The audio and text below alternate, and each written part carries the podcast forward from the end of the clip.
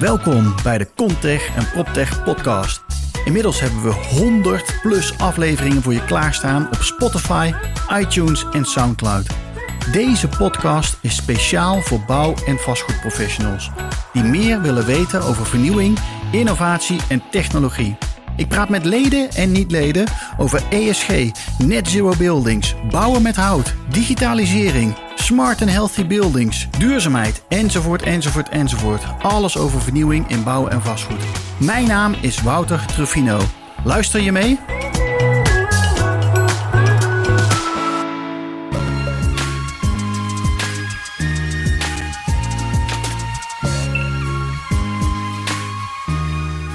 Viel mij op in het nieuws? Uh, twee dingen eigenlijk in de zijlijn van het grote nieuws. Namelijk veel meer zonnepanelen en veel meer warmtepompen. Nou ja, en dat is voor Altera, waar wij, waar wij hoeksteen in ons beleid hebben, ESG, dat is positief. Uh, tegelijkertijd vinden we het ook heel erg belangrijk voor de digitalisering van onze werkzaamheden. Dat lijkt een langer verband, maar hoe meer slimme apparaten, hoe meer data wij kunnen krijgen over het werkelijke verbruik. Dat is wat we doen. Zo kijken we ook naar voren toe, naar wat ons te doen staat. We zijn heel goed in duurzaamheid en dat willen we vooral ook blijven. Zeker in een tijd met meer energiekosten. Uh, we denken dat we door te investeren in zowel duurzaamheid als digitalisering, dat we heel veel voordelen kunnen genereren voor zowel de belegger als de bewoner. En laatste ook, ook voor de winkelier, want we beleggen in woningen en in wijkwinkelcentra. En we maken slagen voorwaarts de komende jaren via onze asset roadmaps, waar we aan werken om al onze gebouwen permisproof te maken. Uh, dat is eigenlijk aan de hand van het nieuws wat me het meest opviel.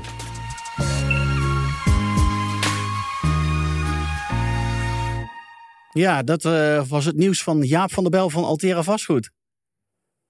Welkom jongens, allemaal in de studio. Applaus toch, of niet? Voor de mensen die aan tafel zitten. Mag wel. Mag zeker. Sabine Schouten, Greenberg Tower. Samen Momadi van Reborn. Kim Koops van uh, Loyens Loef. En werkt dan van ING. Welkom. We gaan het hebben over ESG, financierbaarheid. Maar eigenlijk, en mijn eerste vraag aan jullie is... het zijn een beetje onrustige tijden in vastgoedland. Hoe gaat het bij jullie en hoe uh, doen jullie zaken in deze onrustige tijden? Sabine, hoe gaat het bij jullie op kantoor? Uh, goed, ja, goed. Ja, advocaten die zijn altijd wel vertellen. Maakt voor jullie niet uit of nee, de... uh, nee, dus het gaat goed. We zijn nu. Um, um, we krijgen veel vragen natuurlijk over dit onderwerp. Um, veel vragen over hoe of due diligence anders moet worden ingericht. Dus ja, wij houden ons al bezig. En daarnaast loopt, uh, lopen de, de, de transacties volgens nog wel door. Dus ja. dat is op zich leuk. Maar we'll see. Spannende Goed. tijden. Ja, Saman, hoe is dat voor jou als belegger en ontwikkelaar? Met alles gestopt? Nee.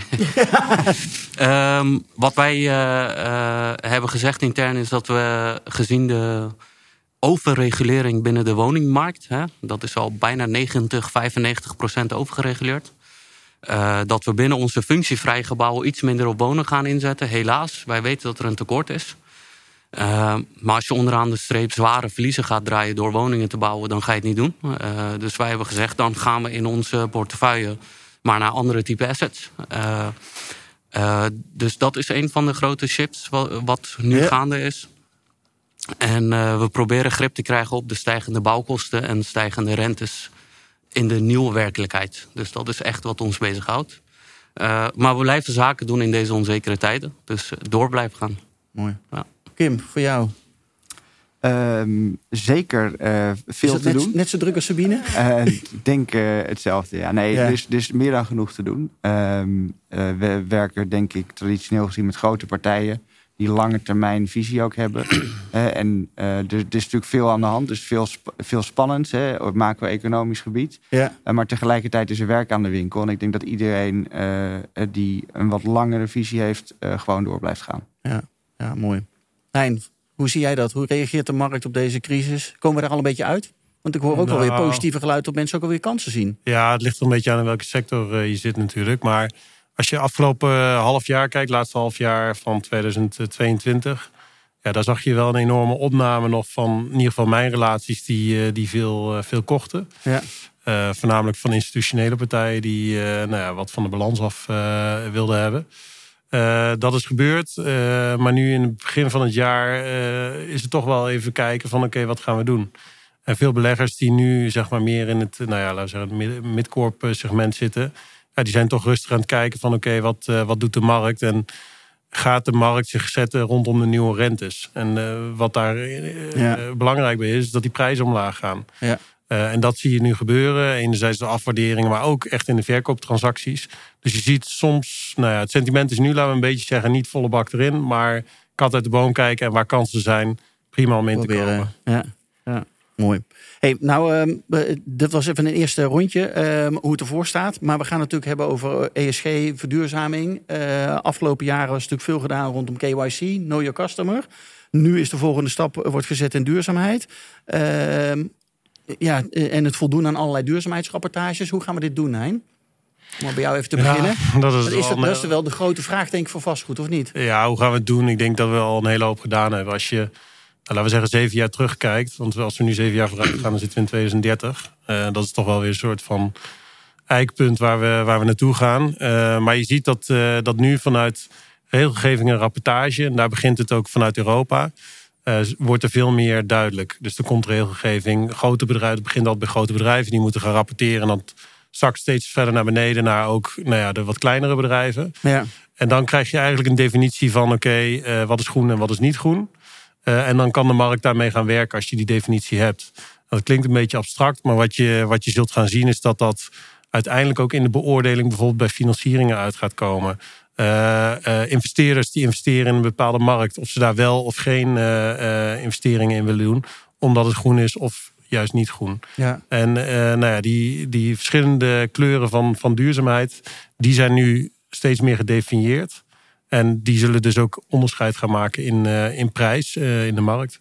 Maar er komt er allerlei wet en regelgeving vanuit Europa. En die is misschien best wel wat complex. Best complex. Uh, en voor vastgoed misschien ook wel heel technisch. Hoe helpen jullie je, je klanten, Sabine? Nou, door in kaart te brengen wat de rapportageverplichtingen zijn. Die zijn vrij breed um, voor verschillende bedrijven. in kaart te brengen wanneer val je eronder, wanneer niet. Um, maar maak dat dus concreet. Wanneer val je er wel onder, wanneer val je er niet ja, dat, onder? Nou ja, dat, nee, daar, daar is, is geen eenduidig antwoord op. Ja, dat is zoals is wij advocaten graag zeggen. Dat hangt af van de omstandigheden van het geval. um, dat is denk ik het standaard antwoord van een advocaat. Maar dat is uh, ook in dit geval weer uh, zo. Ja, je hebt verschillende regels. Je hebt de taxonomie die bepaalt eigenlijk de definiëring van wat is groen, wat is een ecologisch duurzame belegging en uh, wanneer. Um, en daar heb je allerlei technische standaarden onder die daar in fases worden uitgevaardigd um, waar uh, men in de vastgoedmarkt zelf mee aan de slag moet om te bepalen of een vastgoedinvestering, belegging duurzaam is of niet, ja. um, groen is of niet. Ja, en, en dan heb je daarnaast nog allerlei andere non-financial rapportageverplichtingen, financiële rapportageverplichtingen in, in allerlei verschillende verordeningen, verordeningen en um, richtlijnen. Dus het is een, het is een onwijze lappendeken van, uh, van regelgeving. En die zit met name op de rapportage, vooralsnog. Dus echt transparantie, inzichtelijk maken... om financiers als ING en andere partijen in staat te stellen... om uh, inschat, risico-inschatting te maken. Ja. Eh, maar hoe zie jij dat, Kim? Want wie gaat er nou bepalen? Want het komt al een paar keer terug. Hein, die zegt het van uh, wel groen of niet groen. Hoe, wie gaat er dan straks bepalen of een kantoor echt groen is of niet groen is? Nou, dat, dat zal uiteindelijk uh, uit regels uh, moeten blijken die uh, op Europees niveau worden afgevaardigd. Ja. Um, ietsje eerder uh, dit jaar, halverwege januari, heeft bijvoorbeeld ook de, de Europese Centrale Bank. Die heeft uh, best uitzonderlijk heeft een opinie gegeven. Wat zij vinden van een voorstel uh, om een richtlijn aan te passen. Die ziet op, op Energy Performance Certificates. Hè, dus van hoe, wat is eigenlijk de performance op energiegebied van een gebouw. Ja. en zij signaleren ook hè, dat als er binnen Europa een soort van een betekenisvolle ehm, wending komt. Hè, dan moet dat worden gestandaardiseerd.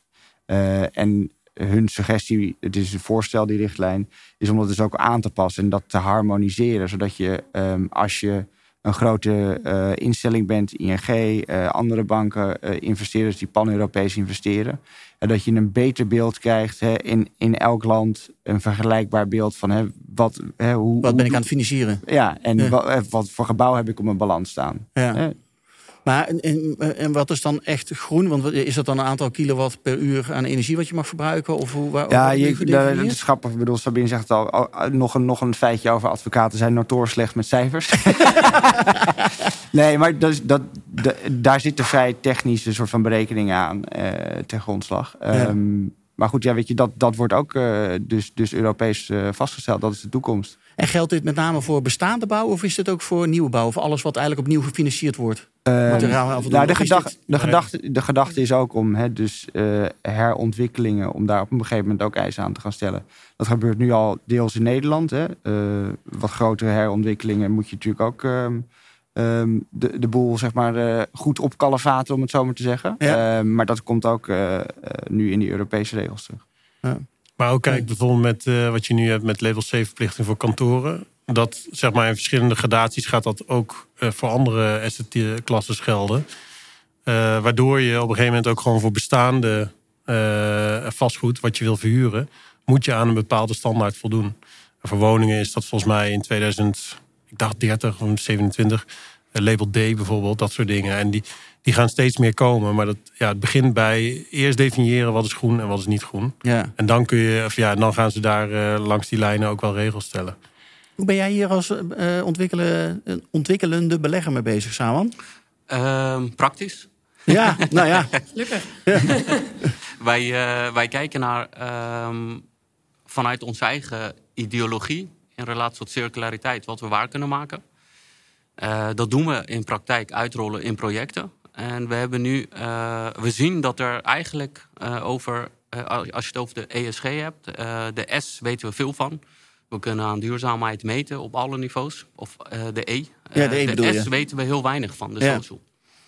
Um, wij hebben nu experts in de markt gevraagd om ons te helpen een meetlat te gaan maken.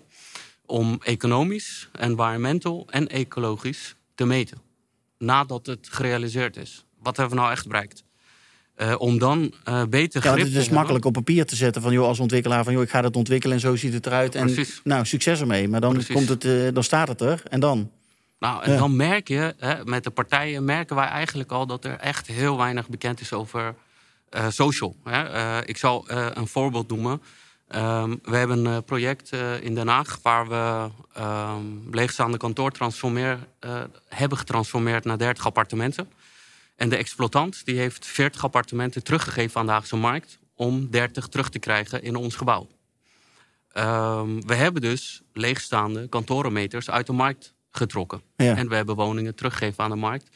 En die 30 appartementen, dat zijn short appartementen, maar in de toekomst zijn het ook weer woningen. Um, is dat nou social of niet?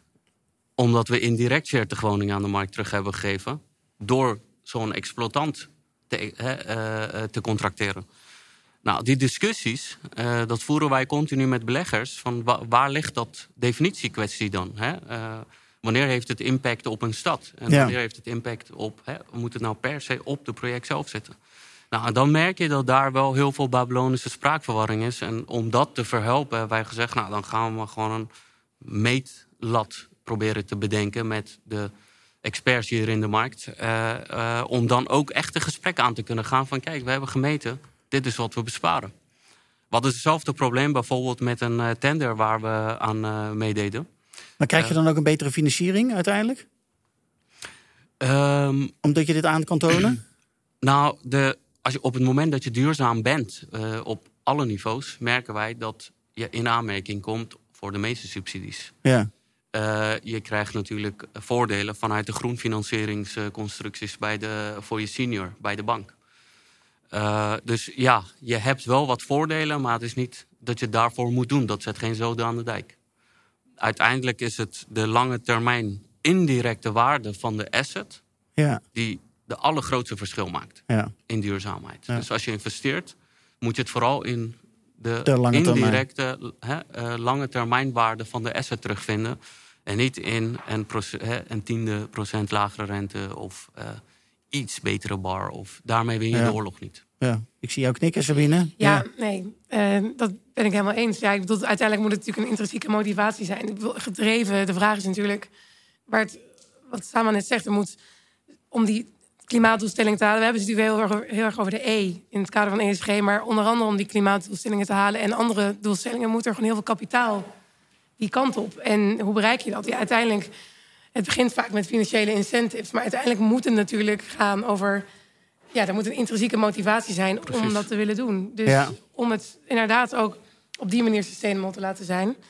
Ehm, ja, en uiteindelijk gaat het resulteren in hogere waarderingen. Uiteindelijk, dat kan niet anders. Exact. Op termijn. Dus Ja. dat. ehm, dus ja, dus ik, Of eh, de knik taxateur dat op papier zet, is een andere Precies, ja, dat is, dat, dat is wel de hoop natuurlijk. Maar Je zag, je zag natuurlijk wel, in, volgens mij in 2016 hebben we dat toen voor het eerst met de Universiteit van Maastricht aangetoond. Dat er in, eh, volgens mij even uit mijn hoofd, eh 10%, nee 9% meer eh, marktwaarde in zat. En eh 8% meer eh, huurwaarde in een gebouw wat nou ja, dan een groen label had destijds. Dat hebben we toen nog een keer gedaan. Toen is dat omhoog gegaan. Toen hebben we ook gekeken naar de werkelijke transactieprijs. Of die ook hoog was. Nou, dat was zo. Ja. Maar dat was nog allemaal voor zeg maar, het binnenvallen van, eh, van eh, Rusland en Oekraïne, die energiecrisis veroorzaakte. Dus ik denk als je het nu nog een keer zou doen, dan heb je nog een keer eh, een, eh, een stap daaroverheen. ja. Kijk, en dan kun je zeggen, ja, ik had het toch gezegd. Maar je ziet gewoon, ook vanuit ehm, eh, Europa ga je op een gegeven moment de CO2-tax krijgen op energie. Dat is ook al aangekondigd dat dat, dat gaat komen. En dan kan het zomaar zijn dat je voor een appartementje van 90 vierkante meter betaal je gewoon 450 euro per jaar alleen al aan CO2-tax. Eh, nou ja, kun je nagaan wat dat voor een kantoor gaat kosten. Ja. Dus het gaat, die, die, die eh, energieprijs die gaat gewoon hoger worden, structureel. En ehm, ja, dat, dat ga je terugzien in, eh, in uiteindelijk een, een waarde van een gebouw. Maar Wat is jullie advies dan voor, voor de markt, zeg maar, om hierop in te spelen? Ja, het begint Maar- nu met, eh, met eh, heel ver vooruitkijken. Want dan heb je een relevant product voor de toekomst. Kijk, en, en we hebben het altijd over nieuwbouw. Want ik bedoel, nieuwbouw heb je, kun je van scratch af aan Ja, bouwen. dat is makkelijk. Ja. Dat is nou ja, relatief makkelijk. Maar ja, eh, herontwikkeling, ja, dat is wel wat lastiger. En ook als je portefeuilles hebt met nou, bijvoorbeeld bestaande huurders erin. die krijg je er niet zomaar uit vanuit wetgeving. Alleen, je moet wel een plan maken hoe je met je portefeuille omgaat. Want 2% per jaar wat toegevoegd wordt in Nederland is nieuwbouw. Eh, en de rest is bestaande bestaande bouw, en dan moeten we echt nog heel veel doen. Dus als je gewoon een plan maakt voor je portefeuille en kijkt van oké, wanneer ga ik wat aanpakken en op welk moment. En welke stap ga ik dan maken? En maak dan wel een stap, eh, in ieder geval een flinke stap. En zorg dat je dan nog een keer een stap kan maken. Dat je daar in ieder geval een soort van eh, de mogelijkheden dan voor hebt. Je hoeft niet meteen de techniek in te brengen, maar als je de mogelijkheden hebt, dan kun je bij de volgende stap die je moet maken, kun je ook nog een keertje eh, verbetering doen. Ja. Ja, en ontwikkel een lange termijn eh, visie daarop. Ja. En laat je daarop in- informeren. Ik bedoel, ja, je kan natuurlijk heel erg korte termijn denken, korte, korte termijn rendement en dergelijke. Maar als je, die, je moet die lange termijn strategie hebben, wil je ehm, kunnen anticiperen op, ehm, op die waardeontwikkeling, denk ik. In alles wat er komen gaat. Ja, eh, adviseren jullie je bedrijven of de, de, de klanten ook op die manier, Kim? Eh ja, zeker. Ik bedoel, eh, het is, ehm, als je het hebt over eh, financieringen en green loans, ehm, dan, dan zie je dat dat steeds ehm, belangrijker wordt en ook wat ingewikkelder. En er komen meer partijen bij kijken. Dus als je het nou hebt over wat zijn discussiepunten bij vastgoed, dat is onder andere vaak de waarde. Nou, dat, dat, heb, dat is standaard uit handen gegeven, min of meer aan een objectieve derde, de taxateur. Hè? Ja. En je ziet nu dus ook ehm, ja, een soort van nieuwe groep adviseurs opstaan. Eh, die gaan eh, adviseren over van, hè, wat is de ESG-score van, van dit gebouw, hè, van deze portefeuille. Nou, dat heeft ook weer een impact. En dat is niet namelijk één keer aan het begin van de lening dat je dat aan het meten bent, maar dat wordt ongoing. Dat, dat zullen ook eh, verplichtingen worden voor banken hè, om dat gewoon bij te gaan houden te gedurende de looptijd van leningen. Van, op enig moment eh, gedurende die looptijd, wat is, eh, wat is de score? Hè? Hoe zit het erbij? En dan kan ik me voorstellen dat eh, dat er ook best wel wat buitenlandse beleggers zijn, actief zijn op die Nederlandse markt. Wordt het voor hun dan nog steeds aantrekkelijk om hier überhaupt actief te zijn? Omdat er steeds meer regelgeving komt? Of gaan, Het is Europees. Dus ja, je- dit is Europees, je- ja. Dit, dit begint hier. En, en je merkt als je kijkt op het verschil met de US. Daar loopt men in die zin. Kijkt men heel erg naar Europa. Naar qua zeg maar, de, de, de regelgeving die wordt uitgevaardigd. Eh, maar de SEC is daar ook heel erg mee bezig. Dus het wordt een mondiaal ding. Ja, je ontkomt er niet aan. Dus het heeft geen zin om nu weer te, te, te vluchten en ergens anders. Nee, ja, eh, tenzij je een korte termijn strategie misschien eh, hebt. En, ehm, en ja, opportunistisch kijkt naar waar is het nog relatief eh, behapbaar. ja. Maar ik denk niet dat, dat, ehm, dat, dat je het daarmee gaat redden. het hele ketendenken komt er natuurlijk ook steeds meer in. En een paar weken geleden was ook in het nieuws dat Boskalis dreigde om Nederland te gaan verlaten. Dat hoort hier misschien ook wel, wel bij. Hoe kijken jullie aan tegen dat soort verhalen? Dan doe je, denk, ik, dat doe je denk ik op het soort van de voorspelbaarheid uh, hè, als het gaat om de regels die er van toepassing zijn. Ja, ja. ja nou ja, dat, dat, dat is natuurlijk een beetje een ingewikkelde uh, discussie de afgelopen tijd. Hè. Zeker als je het hebt over de, de regelgeving op de, omtrent huur. Um, maar, maar wat bedoel je? Het, het verandert te snel. Ja, ja. ja dus, dus nou ja, weet je, dat is in, bedoel, als je dat soort van binnen het tijdsbestek van een jaar bekijkt, dan is dat, hè, dan verandert er heel veel. Um, terugkijkend. Uh, en misschien ook wel vooruitkijkend. Uh, maar ik denk dat op zichzelf hè, er zijn duidelijke ambities vanuit Europa als het gaat om uh, bestendige regels. Ja. Dat, dat, dat wordt wel stukje bij beetje soort van ontwikkeld. Hè. Dat, dat, dat noemde jij ook al. Hè. De, die taxonomie-verordening bijvoorbeeld. Daar worden steeds onderwerpjes zeg maar, gepubliceerd. Um, maar het is wel binnen, binnen een framework wat op zichzelf duidelijk is. Namelijk, hè, ESG is to stay. Ja. En nou zei Samuel net al van nou, die E is misschien makkelijk. Uh, en die S wordt al moeilijker en de G wordt misschien nog moeilijker. Wat zijn dingen die jullie zien uit de markt of partijen die bezig zijn om daar... Uh, ja, wat valt er te halen op die S en op die G?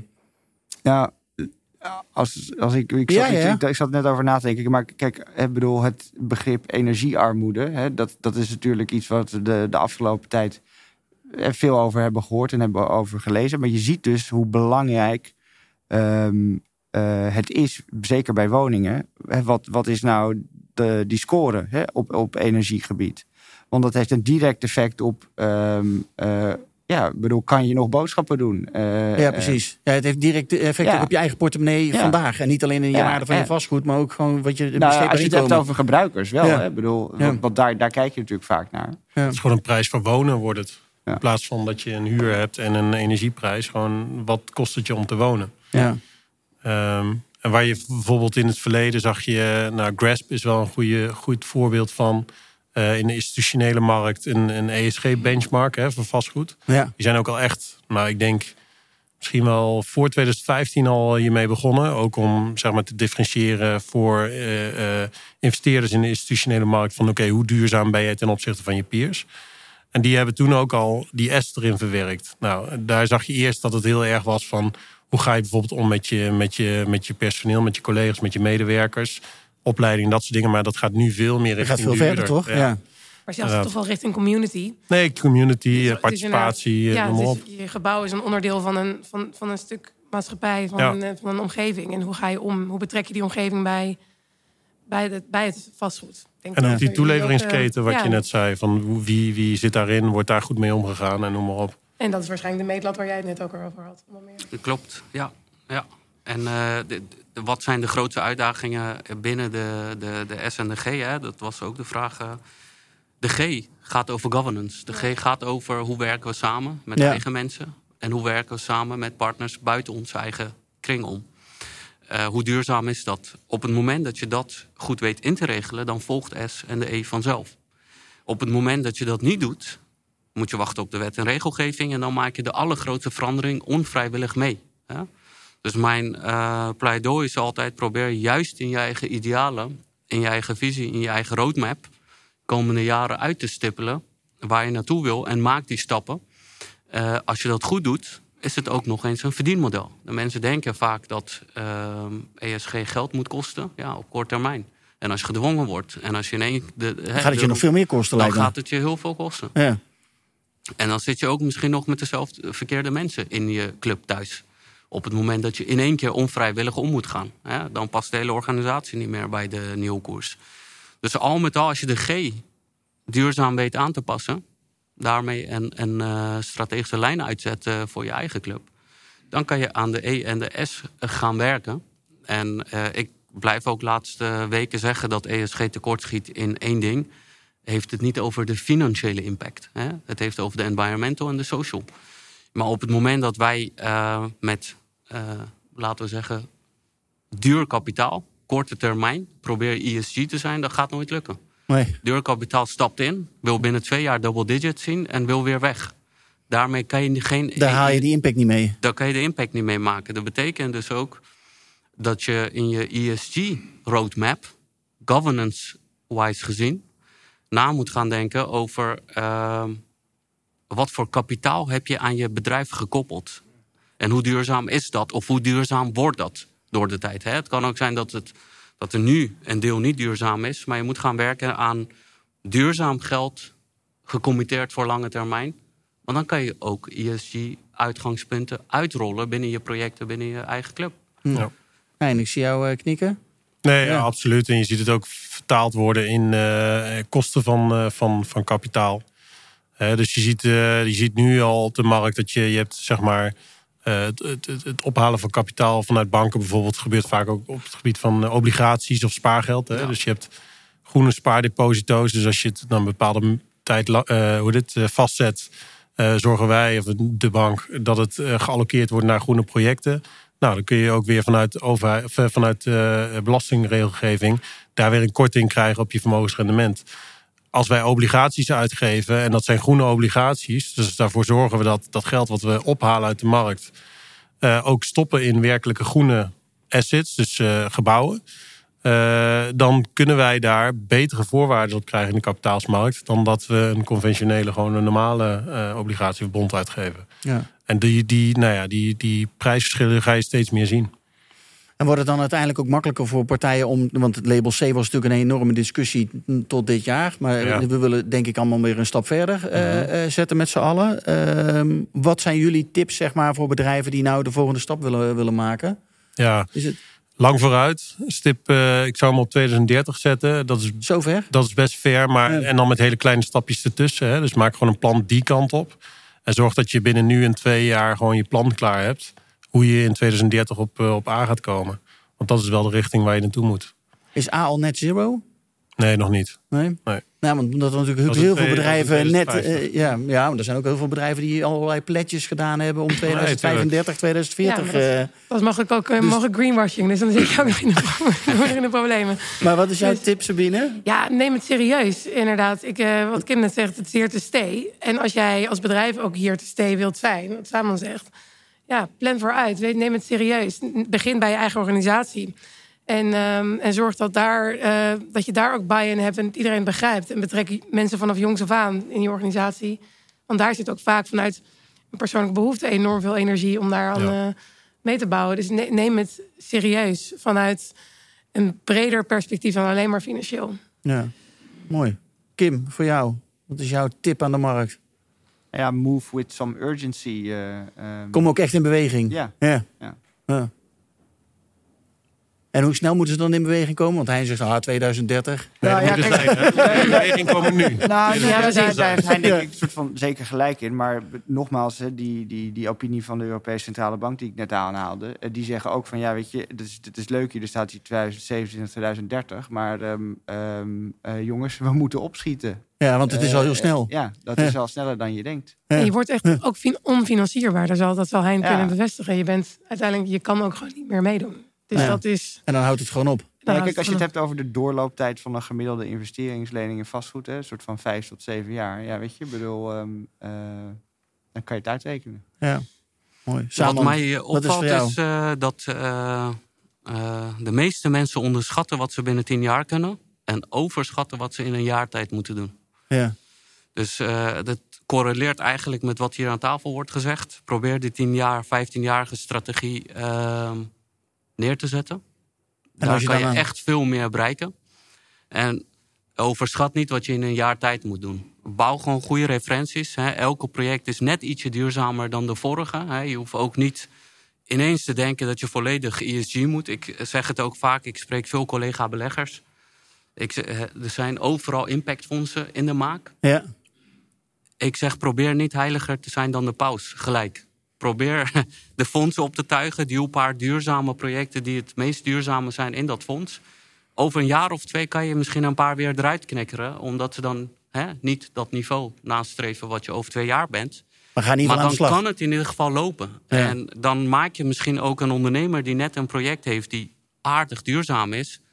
Uh, hè, geef je een kans om een aandeel te nemen in dat impactfonds. Of zijn project aan de impactfonds te verkopen.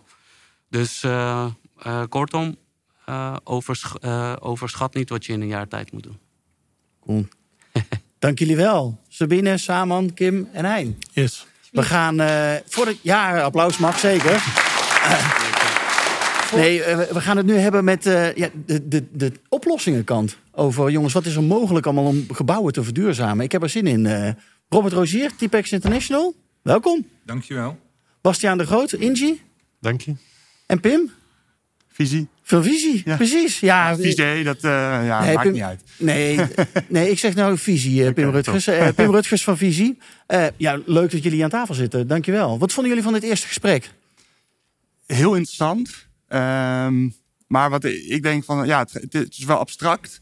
En ik zit natuurlijk altijd naar inderdaad de oplossing te denken. Ja. En, en wat is het dan? Want ESG heeft die rapportages waar we het dan over, over hebben. Dat zijn geen singulaire dingen. Dat is niet één, iets wat je één keer moet doen. Dat is een dynamisch ding wat, wat je steeds weer moet gaan doen. Ja, en daar moet een goede basis voor liggen. Niet op hoe je die rapportages moet doen, maar ook de input daarvan.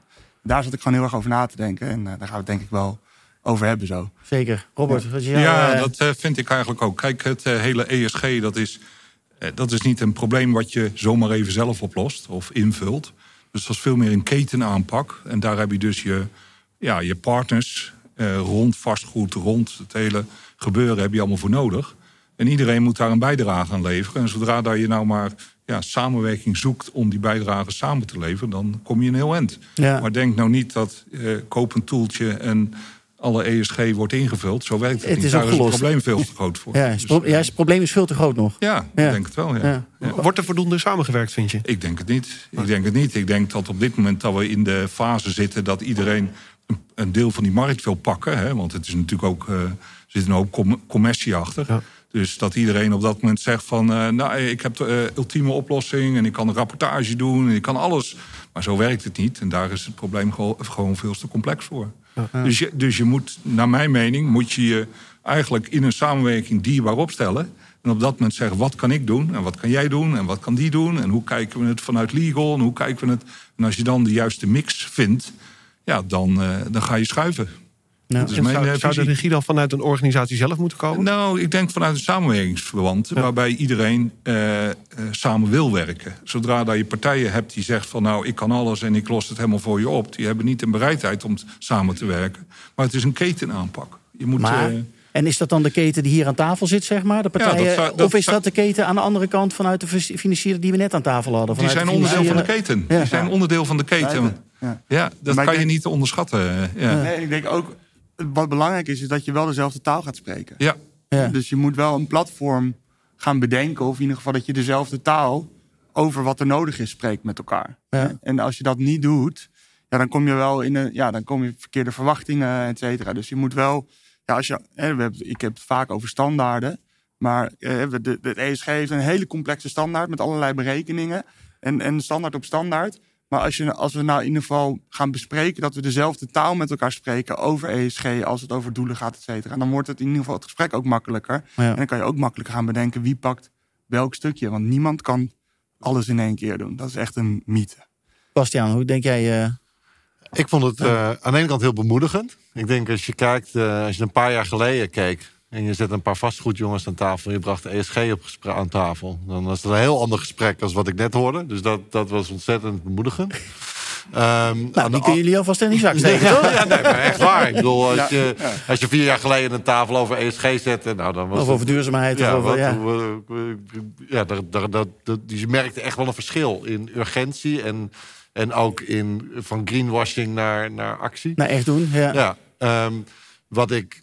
Uh, wel moeilijk vind, is dat uh, ja, je ziet toch wel een hoop, een hoop regelgeving wordt besproken. En ik denk uiteindelijk zit toch de oplossing in regelgeving. Hoe, hoe, hoe je ja, dan komen we pas echt in beweging. Ja, precies. Laten we, laten we wel wezen. Um, en uh, wat ik ontzettend uh, moeilijk vind, is wat ik denk een ontzettend behinder in de markt is, als je het over de regelgeving hebt, is dat het ontzettend complex is, waar het heel vaak veel eenvoudiger kan worden. Hè? Dus in plaats van dat je een enorm C-label hebt, zeg gewoon, eh, het werd even genoemd, uh, gewoon zoveel kilowatt per, uh, per, per jaar per vierkante meter. En that's it. En hoe je het doet, doe je het. eh, of zoveel CO2 in de bouw per, per, per kuub. Of, of, of hoe je het doet, doe je het. En dan kan je dat gaan uitrekenen. In plaats van dat je zegt, ja nee, maar een warmte- warmtepomp is zoveel punten... en een solarpaneel is zoveel punten. En, en hoeveel bespaart het dan echt in de praktijk? En gewoon meten wat, wat er echt gebeurt. Ja. en dan, Ja. de- die verschuiving in de regelgeving is denk ik ontzettend belangrijk. Ja. ik, ik denk dat je dan ook veel minder het probleem hebt met wat is nou groen. Want wat nu groen is, is over tien jaar niet meer groen. Nee. Dus dan moet je continu gaan verschuiven met punten en dingen. En Ja. Terwijl als we het gewoon echt over natuurkundige waarden gaan hebben, hè, dat is heel bazaal, dingen die je kan meten, dan maakt het niet uit over een paar jaar. Maar dan verander je ja, alleen een soort ja, een, een richtlijn en niet meer allemaal punten en of het nou goed is en, en, en subsidies. En, ja, maar dan is het gewoon een natuurkundige onderkant. Ja, ik ben een beetje een Ja. techneut, maar dat is wel Maar makkelijk wat- rekenen. Maar welke waardes heb je het dan over? Bastiaan noemt er net even. Ja, ja, kilowattuur per vierkante meter per jaar. dingen, Zonder ja. dan allemaal, want dit stukje is bij een winkel en dan is het zo voor 50% Dus dan hoef je niet te voldoen. En nou ja, dat is, waarom moet je dan weer niet voldoen? Ja. Laat, maak het gewoon eh, simpeler. En dan Ja. kunnen mensen gewoon gaan rekenen. En dan Ja. kan je dan ook heel makkelijk... Maar de, de E is natuurlijk makkelijk in, in Ja. nummertjes te vangen. Maar de S en de G, waar we het net ook over gehad hebben, dat is natuurlijk een stuk ingewikkelder. Ja, dat doen we niet aan. Nou, maar ik bedoel, ja, zo, je zit misschien dan nu met de, met de techneut aan tafel. Maar als je het niet kan meten, dan kan je het niet optimaliseren. Hè, ik bedoel, dat, is, dat zal elke engineer je zeggen. Als je iets niet kan meten, kan je het niet optimaliseren. Dus je moet het in een getal kunnen vangen Ja. Om het te kunnen optimaliseren. En als je het in een getal kan vangen, dan kan je het ook in een getal regelgeving doen. En ik zie nu dat, dat eh, het ook ontzettend complex en onvoorspelbaar maakt. Hè? Als je gewoon zegt, je moet deze score halen, zo wordt die berekend. En dan kan je ook gewoon je energiebesparing zeggen. Nou, eh, dit, nu is het zoveel kilowatt. En dat gaat gewoon met 10% naar beneden totdat het nul is in, in 2030. En dan weet ook iedereen waar die aan toe is de komende 30 jaar. En, eh, ja, dan moet je maar een plan gaan verzinnen om Ja. daar te komen. ja, en misschien komt het dan juist wel Ja. weer andersom. Dat dan de, de S en de G volgen. Ja. Dus we hadden het net over als je be- begint met de G en dan de S en de E volgen. En dan ben ik echt... Het is heel belangrijk om als bedrijf hè, bij de G te beginnen. Ja. Maar in een project is het veel makkelijker om bij de E te beginnen. En omdat je dan bij de. En dan moet je eigenlijk de G ook wel heel goed in, in de smiezen hebben. Omdat je gewoon je hele netwerk ervoor wil zorgen dat die duurzaam zijn. Ja. Natuurlijk. Maar da, de E kan je meten. En dan kan je het, als je dat netwerk goed hebt gezien, kan je ook aan het netwerk vragen: van hey, hoe zit het met jouw E? Ik, ik, Ja. En dan komt de S ook weer, weer uit de andere kant. Denk Maar, maar ik. hoe, hoe kunnen we nou aan onszelf uitleggen dat is als per 1 januari het label C verplicht is? Ja? En je kijkt op dat moment naar waar we op dit moment staan. En dat eigenlijk 70% van de gebouwen vanaf 1 januari er totaal niet aan voldoet. en Hè, dan- Kijk naar overheidsgebouwen. Ik net zeggen, dat ja, is echt bizar. de Ja, dus, dus ja, dan kan je allerlei regels opleggen. Maar ja, eh, blijkbaar is dat allemaal niet nodig. Het is alleen maar een doelstelling die neergezet. Maar dat kan toch eigenlijk niet? Dus als we het werkelijk willen halen in 2030... en we zitten nu op 2023 en we gaan gewoon 1 januari voorbij... als zijnde van, ja, eh, Ja, het is 1 februari. Het is 1 februari. kijken, van. eh, Maar hebben we niet hier aan tafel zijn er dan de oplossingen ook, ook zitten om snel van die gebouwen label C te maken? eh, die oplossingen dat- zijn er die wel. zijn er wel. Maar daar ligt het... eh, De, de oplossing is het probleem. het Maar de oplossingen zijn er, de wet en regelgeving is er. Ja? De, de, de, de- sorry, de payback-tijden zijn er. De, de- dat is echt het probleem niet. En waar, Waar- waar blijft de- die hangen dan? Ja, Waar ja, steekt het? Ja. erin stappen. Hè, de- wel die zien dat dat die lange waarde heeft. En niet die korte, die korte Maar dat zeggen ze net ook aan tafel. Hè? Net Ja, zeggen ze ook maar aan dat tafel. Jongens, je moet instappen. en, eh, maar je ja. moet wel eh, durven. Ja. Nee, maar sorry, daar ben ik niet eens mee eens. Want Nee? als je zegt, het, de lange termijn, dat is niet eens nodig. Niet meer, nee. Ik, ik, ik zal je een voorbeeld geven. Ik zal je een voorbeeld geven. Je wordt, ik word nu overal gebeld. Hè. Oh, jij weet toch wel iets van energie? En dan bedoel ik privé. Dus eh, dus de, de school belt, de basisschool belt, de hockeyclub belt. Iedereen moet, eh, moet, eh, iedereen moet, een- iedereen moet warmte pompen. En niemand heeft er verstand van. En je kan geen adviseur krijgen. Weet jij daar niet? Jij weet toch iets van techniek? Kan jij daar niet? Kom ik bij een hockeyclub aan? Ligt daar gewoon een, een, een voorstel van een installateur om, om warmtepompen te installeren? Ik zeg, en waar is die warmte? Ik zeg, ik heb, ik heb geen verstand van warmtepompen, even om duidelijk te zijn. Ik, ik zit in de verlichting. Maar, maar ik zeg, waar is die warmtepomp op of waar, waar is die warmtevraag op berekend? Ja, eh, we hebben gewoon, eh, dat is eh, wat er in de, het bouwbesluit uit 1970 staat. Dus ik zeg, jullie gaan dus nu alles hier vervangen. Gebaseerd op een warmtevraag die in 1970 bewar- be- be- eh, bewerkt is. En je komt niet in je op om even te kijken van... wat is eigenlijk de warmtevraag? Kunnen we misschien Wat de warmtevraag verbruik? wat verkleinen? Ja. Maar dat wordt Dus gewoon keihard voorgelegd. Als, nu op een voorstel. Ik kom, ik kom bij een school aan. Die zeggen, ja, we gaan de verlichting vervangen. Ik zeg, wat voor uh, lichtcontrolesysteem zit erin? Daar weet ik dan toevallig wat meer van. uh, Vind je een fijnere ja. vraag? Ja. Ja. ja. nee, dat was niet voorgesteld. We hadden drie offertes opgevraagd. Er zat geen één voorstel aan bij een, bij, met, een, met, een, met, een, met een sensor. Je gaat toch nu, nu, nu niet alle verlichting in een school vervangen... en daar geen sensor in stoppen? Dus gewoon... Dit is financieel maar, maar, maar, termijn. Je, je hebt veel energie, maar waar, waar, waar, missen we kennis? dan, dan? Missen we kennis? Nee, ja, ja, dus misschien in de keten mist er wel wordt er, wordt er kennis, kennis hè, uh, gemist. Maar iedereen wil, we hadden het net ook al over beschermen. En een stukje van de markt willen pakken. Ja. Ik denk dat er veel... Hè, kijk, een softwarebedrijf dingen weten over sensor... En, is gewoon anders dan een elektrotechnisch bedrijf, OT en IT. Ja. En die moeten wel meer met elkaar, zeg maar, gaan werken. En, en, en openstaan voor, voor dat soort, voor dat soort uh, ja, oplossingen. Maar dan krijgen we nog betere oplossingen. Maar dan zitten we nog steeds bij die oplossing. Maar we moeten die vastgoedkant meekrijgen, toch? Nou, het zit volgens mij ook in kennis. Want enerzijds zeggen we op, op kleine schaal... bij de hockeyclub, daar mist kennis. Maar, ja, maar mist op grote schaal ook? Maar ik wou net zeggen, mist hij ook op grote schaal. Ja. En, ja, maar dan, dan blijft hij daar natuurlijk ook. Oh, oh, oh, heel... Uh, ah, gaat goed komen. Boeken. Gaat goed. Gaat goed. Nee, Beetje water. Dus Halen we straks ik weg. Ik zie een enorme uh, uh, incentive in de markt... Ja. om hetzelfde te doen wat je vorig jaar deed. En ik begrijp het. Als jij een installateur bent... je probleem is niet meer klanten. Iedereen is uitverkocht. Ja. Het probleem is uh, meer personeel. Want elk personeelslid wat je aanneemt als installateur... die kan je morgen verkopen. Dus, ja. dus je zit gewoon ja. volgeboekt. Ja. Dus waarom zou ik iets nieuws doen? Waarom zou ik iets innovatiefs doen? Waarom zou ik mijn klant aanraden om iets te doen wat ik voor... Wat ik, alleen maar risico. Wat vorig jaar werkt, werkt nu ook. Dus, dus er zit geen enkele incentive bij mij in die, in die, in die keten... om iets innovatiefs voor te stellen. Ja. Maar Robert, jij ziet onwijs veel gebouwen. Jij monitort hartstikke veel gebouwen. Ja. De, de, de, daar krijg je toch heel veel lessen uit hoe het beter kan ook? Ja, nou, ik denk dat eigenlijk dat probleem op een niet ander niveau zit. Als je kijkt naar een, uh, een asset manager, een property manager... Uh, en een facility manager en een fondsmanager... er zit een bepaalde ja. werkwijze tussen. Maar als je nu ziet dat... Ja, die werken fantastisch met elkaar samen, ja, toch? Nou ja, maar wat je nu ziet is dat een, een asset manager... die belegt op dat moment in een bepaald uh, vastgoed... maar die uh, huurt elke keer een property manager in. Die doet dat voor uh, een jaar. En daaronder zitten de, de, de, partijen. En die worden helemaal op dit moment nog niet gestuurd op dit proces. Absoluut. Elke keer wordt er gekeken naar... oké, okay, nou, we moeten goedkoopste oplossing hebben. Oh, het moet weer 10%... Uh, mm-hmm. moet het dus, en dat is kort cyclisch. Ja. Waar we nu over nadenken is lang cyclisch. Dus we moeten nu, eigenlijk moet, zodra dat je een property of een, een, een facility manager vraagt op dat moment, ga nou eens meedenken over het oplossen van het proces. En niet over één jaar en zorgen dat je 10% lager kan produceren. Nee, zodra dat je investeert in asset, wordt het meer waard. Uh, gaat het, uh, uh, de verduurzaming gaat sneller. Dus we moeten nadenken, ook in een lang cyclisch proces. En ik denk dat daar een groot deel van het probleem zit.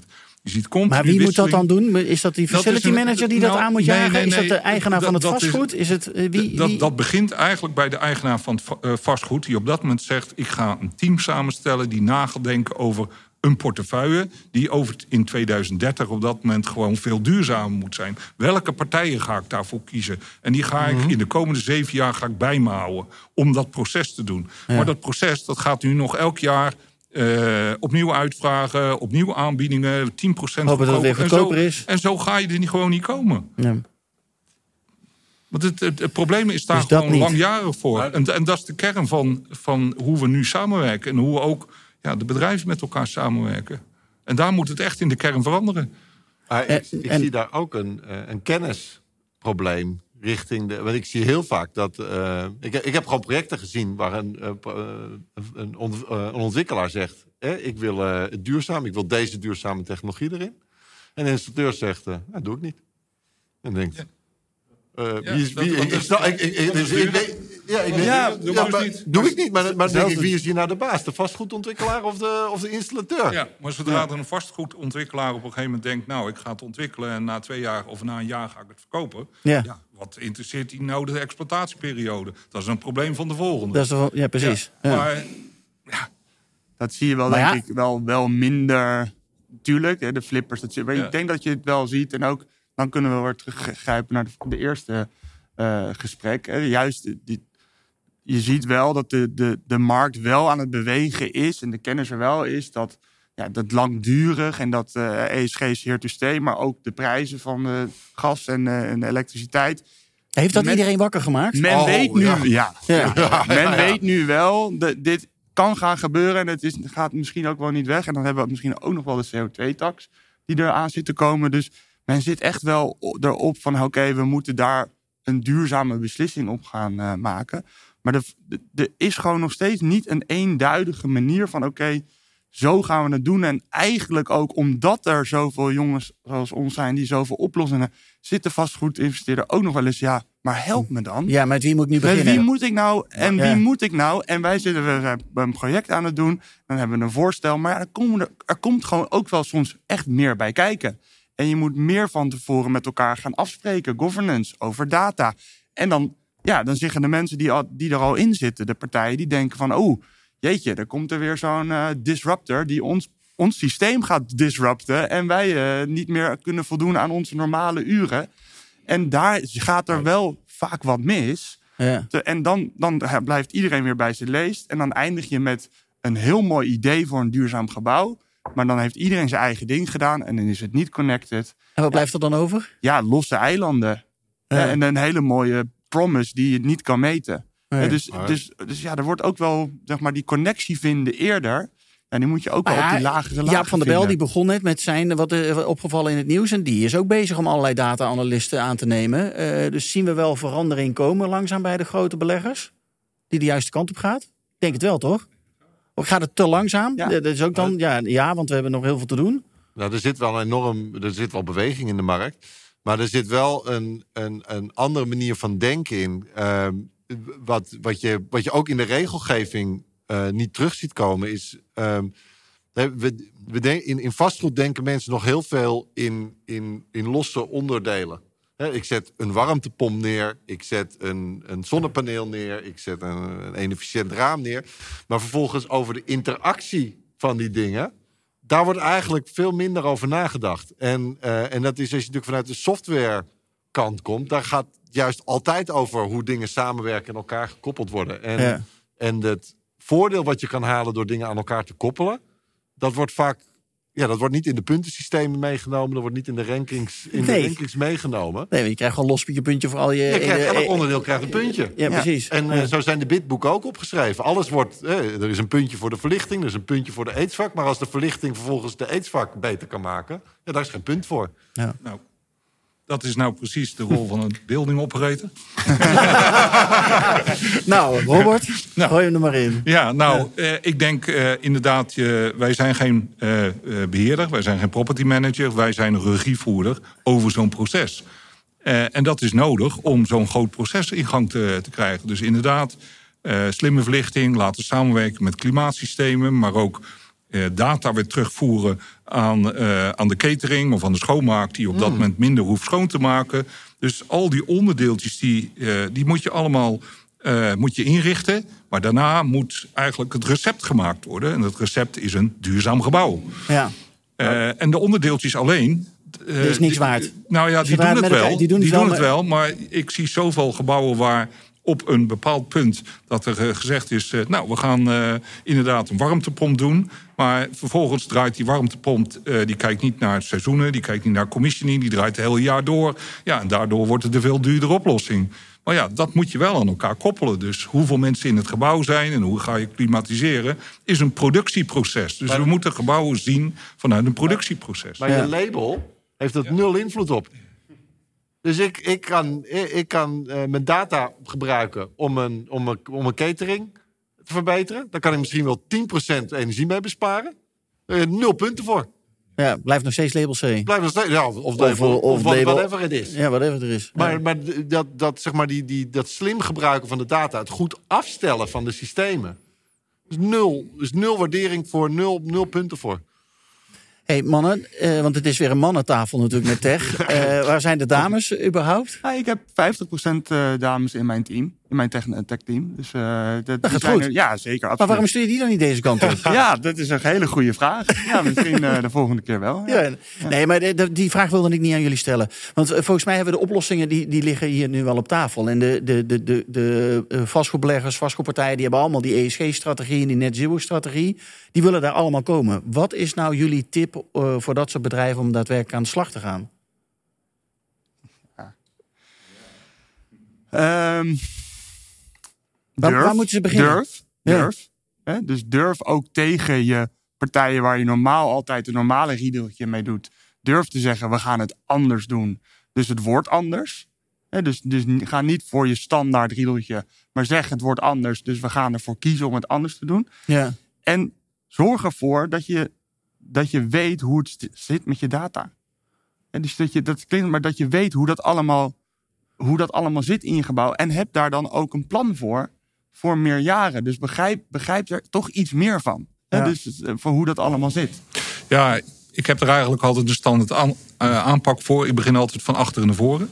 Dus ik begin te definiëren. Ja, ja, ik begin te definiëren van uh, wat willen we in 2030 bereiken. Wij willen, uh, wij beheren nu Tenminste, we beheren niks, maar we coördineren zo'n 200 gebouwen. Wij willen in 2030 op 1000 gebouwen zitten, omdat we impact willen maken. Dus dan gaan we op dat moment zeggen van hoe gaan we van nou 1000...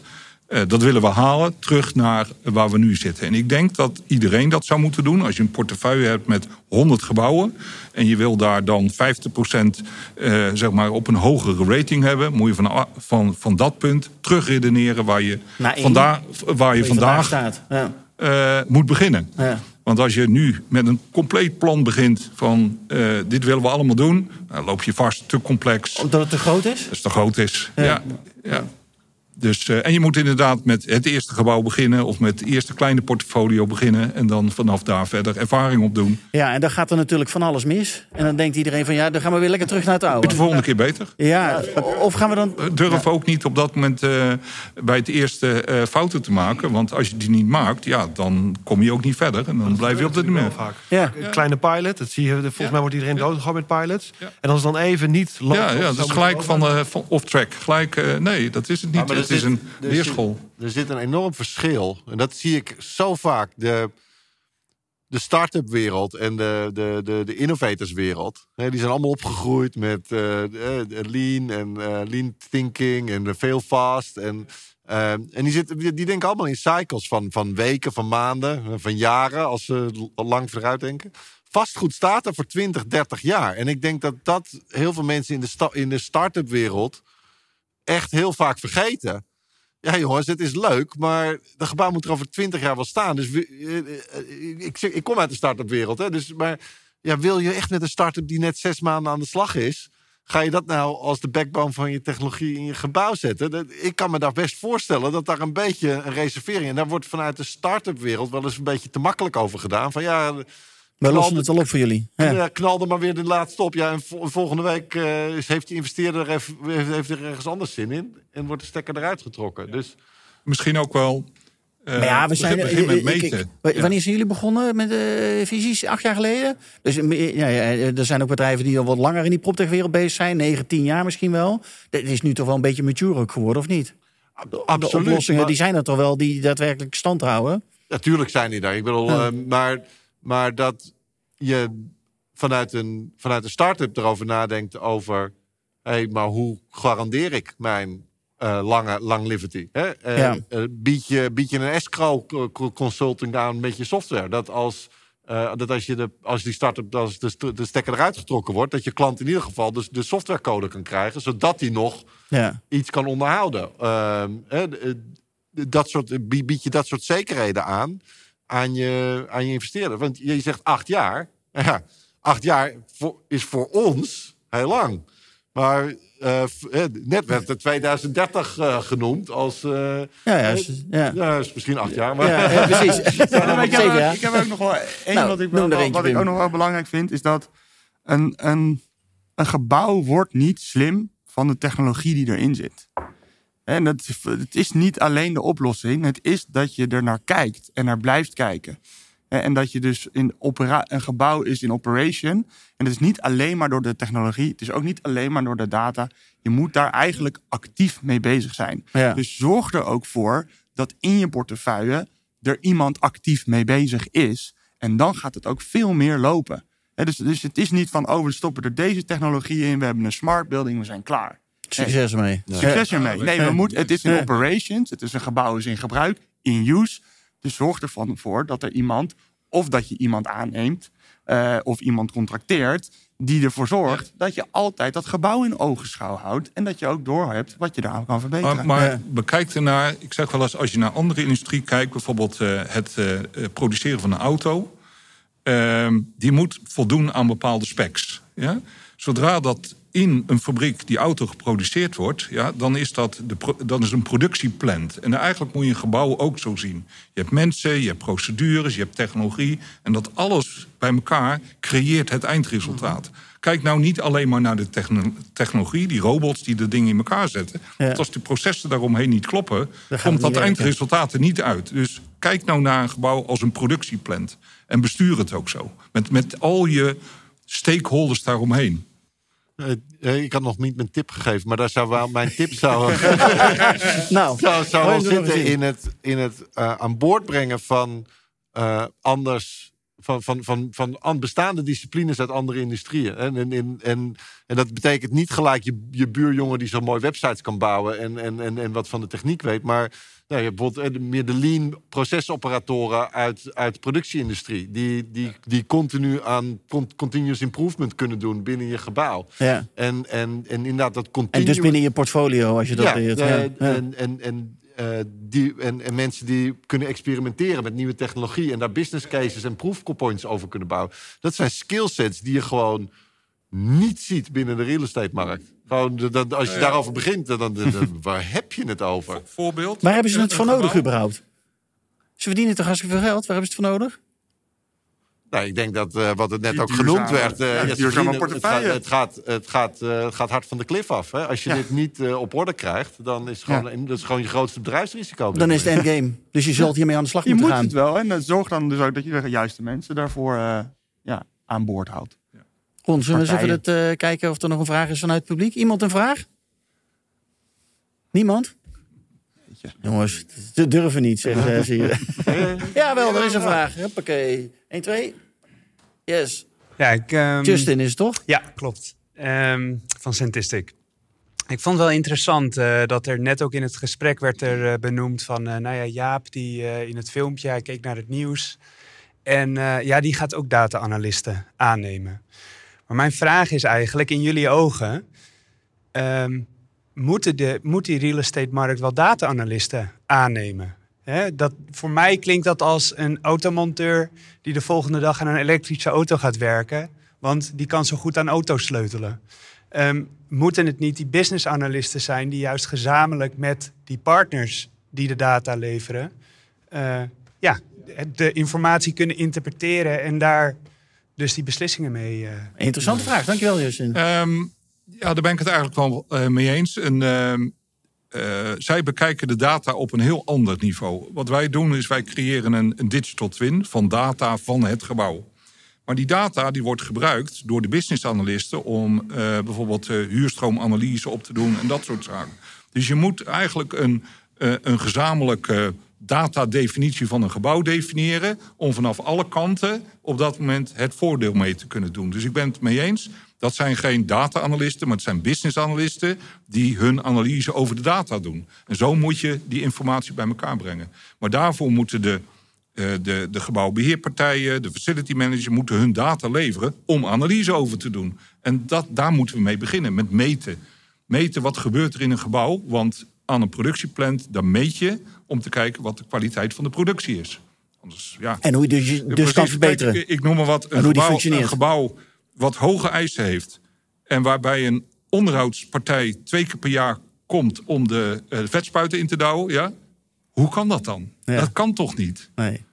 Maar alleen het contract zit zodanig in elkaar dat hij niet meer dan twee keer per jaar langs mag komen. Om, ja, om, hij moet goedkoop. Dat past niet. dat past niet. Nee, past dus daar zit gewoon, dat klopt niet. Als een gebouw, en alle gebouwen moeten steeds hoger presteren, dan moet, die, die keten moet anders gedraaid worden. Laatste vraag die ik ook nog aan jou heb. Want je hebt nu 200 eh, gebouwen die je beheert. Kom je ook wel eens gebouwen tegen die Bream Excellent nog wat zijn... en dan krijg jij ze in beheer en dan denk je... Bream Excellent, hoe ja, dan? Nou ja, bij de start hè. ja. Bij de oplevering. Dan gaat het gelijk al mis. Nou, dat wil ik niet zeggen. Maar kijk, uh, uh, zodra dat Briam Excellent is bij, uh, bij de in de ontwikkelperiode... wil nog niet zeggen dat ze dat zijn in de... In de exploitatiefase. Nee, maar dat is wel de belangrijkste fase. En, en dat is juist zodra dat... ja, je kan keuringen doen en analyses doen over hoe het gebouw bedacht is. Hmm. Maar daarna staat dat gebouw er helemaal leeg, spiksplinternieuw. Daarna wordt het gebruikt. En hoe het gebruikt wordt, hè, hoeveel mensen, is het, uh, is het een hete zomer, is het een koude zomer op dat is moment? Is er weer COVID? Ja, is er, is COVID? Ja, nee, maar en blijft alles aanstaan? In, in, COVID bleef alles aanstaan, stond alles nog ja. meer te verwarmen en nog meer te koelen dan normaal. normaal. Briam Excellent. Ja, dat Briam met, met, met nog met meer kilowattuur per vierkante meter dan dat het bewoond nee. Dan, ja, echt. Oprecht. Ja. Wij hebben, zijn natuurlijk ook verwarmingselementjes als, als mens. Ja. Die misten er. Ja. Dus dat werd allemaal gewoon uh, 23 graden gehouden. Ja, dat is waanzinnig en, natuurlijk. Ik, ik zal je nog erg vertellen. Ik zie regelmatig dat spullen gewoon uitstaan. Dus uh, het is dan allemaal, er staat een prachtig uh, lichtcontrolesysteem, uh, Brian Plus Plus erin. En je komt gewoon zes maanden later. En de mensen vonden het zo irritant. Dan gewoon het hele lichtcontrolesysteem staat gewoon uit. ja, dat, je lacht erom, hè? Maar het gebeurt echt regelmatig. En dan staat gewoon de verlichting gewoon continu aan. Ja, gewoon continu ja. ik, ik, kijk, ik kijk vanuit mijn woonkamer op de Zuidas uit. Nou, ik kan je vertellen, ik heb extra gordijnen moeten kopen. Van al, nee, serieus hè? Van al het licht wat op zaterdagnacht van de Zuidas in mijn woonkamer naar binnen schijnt. Ja. De hele Zuidas staat aan. Nou, nou werken al die advocaten, consultants en bankers, die werken ontzettend hard. Maar op zaterdagavond om 11 uur, dat alle kantoren aanstaan. Kijk, kijk naar het Madison Office. Hè? Prachtig gebouw. Ah, volgens mij staat die nu sinds, sinds kort, hè? Sinds kort. Ik, ik, woon, ik woon ook vlakbij en ik rijd er vaak langs. En ik kan me er heel erg aan irriteren. Echt mateloos.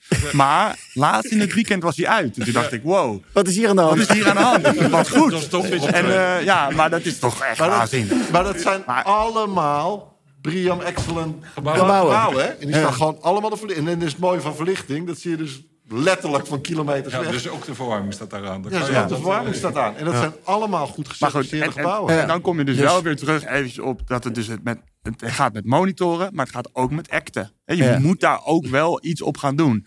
En ik heb thuis, uh, als ik soms wegga, vergeet ik ook om de. Ik heb dat allemaal niet automatisch. Ik moet dat met de hand naar beneden doen nog. Ja, ja dat vergeet ik ook. Dus je moet dat gewoon automatiseren. En je moet er ook nog eens op, op blijven letten. En dat moet je wel gewoon ook. Dus niet alleen maar de technologie erin stoppen die het kan, maar ook mensen aannemen of een systeem kopen die dat voor jou automatisch doet.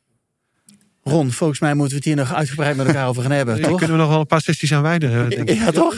Ja. En het lijkt me ook wel lachen om een keer te, de mix te maken tussen deze ja, eerste lijkt, tafel ja. en die tweede tafel. Ja, volgens mij is dat goed, want die moeten elkaar beter gaan vinden. Ja. Dat gevoel krijg ik heel sterk. Ja, zullen we maar gaan borrelen, want dan kunnen we ze elkaar ja, vinden. doen. Dank jullie wel allemaal voor het kijken. Wij gaan 21 april gaan we een tour doen, want het leuk is om hierover te praten. Maar het is natuurlijk veel leuker om dat werk ook die, uh, uh, dat vastgoed te zien. Dus 21 april gaan we onder andere langs Hoofddorp. We gaan langs Schiphol Real Estate. Gaan we wat interessante gebouwen bekijken. Kijken hoe ze het daar doen. Of het wel echt allemaal zo slim en efficiënt is. Um, dus daar kunnen we ons ook weer laten inspireren. Ik hoop dat je meegaat. 21 april is dat. Ja, en we zijn natuurlijk binnenkort weer terug met RBF. Dus uh, ja, tot snel. Dank jullie wel allemaal. En uh, fijne dag. Fijn weekend alvast.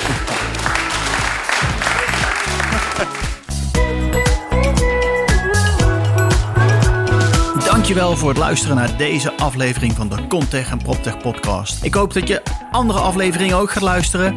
Maar ik hoop dat je natuurlijk ook een keer naar ons clubhuis komt in Amsterdam. Waar wij om de twee weken een masterclass organiseren over verschillende onderwerpen. Maar ook altijd op de eerste vrijdag van de maand een draait door show maken. Een echte tv-show met publiek aanwezig. Waarbij we natuurlijk borrels organiseren. Zodat mensen elkaar kunnen ontmoeten en netwerken met elkaar. Zodat er een beter gebouwde omgeving gecreëerd kan gaan worden. Ik hoop je snel te zien.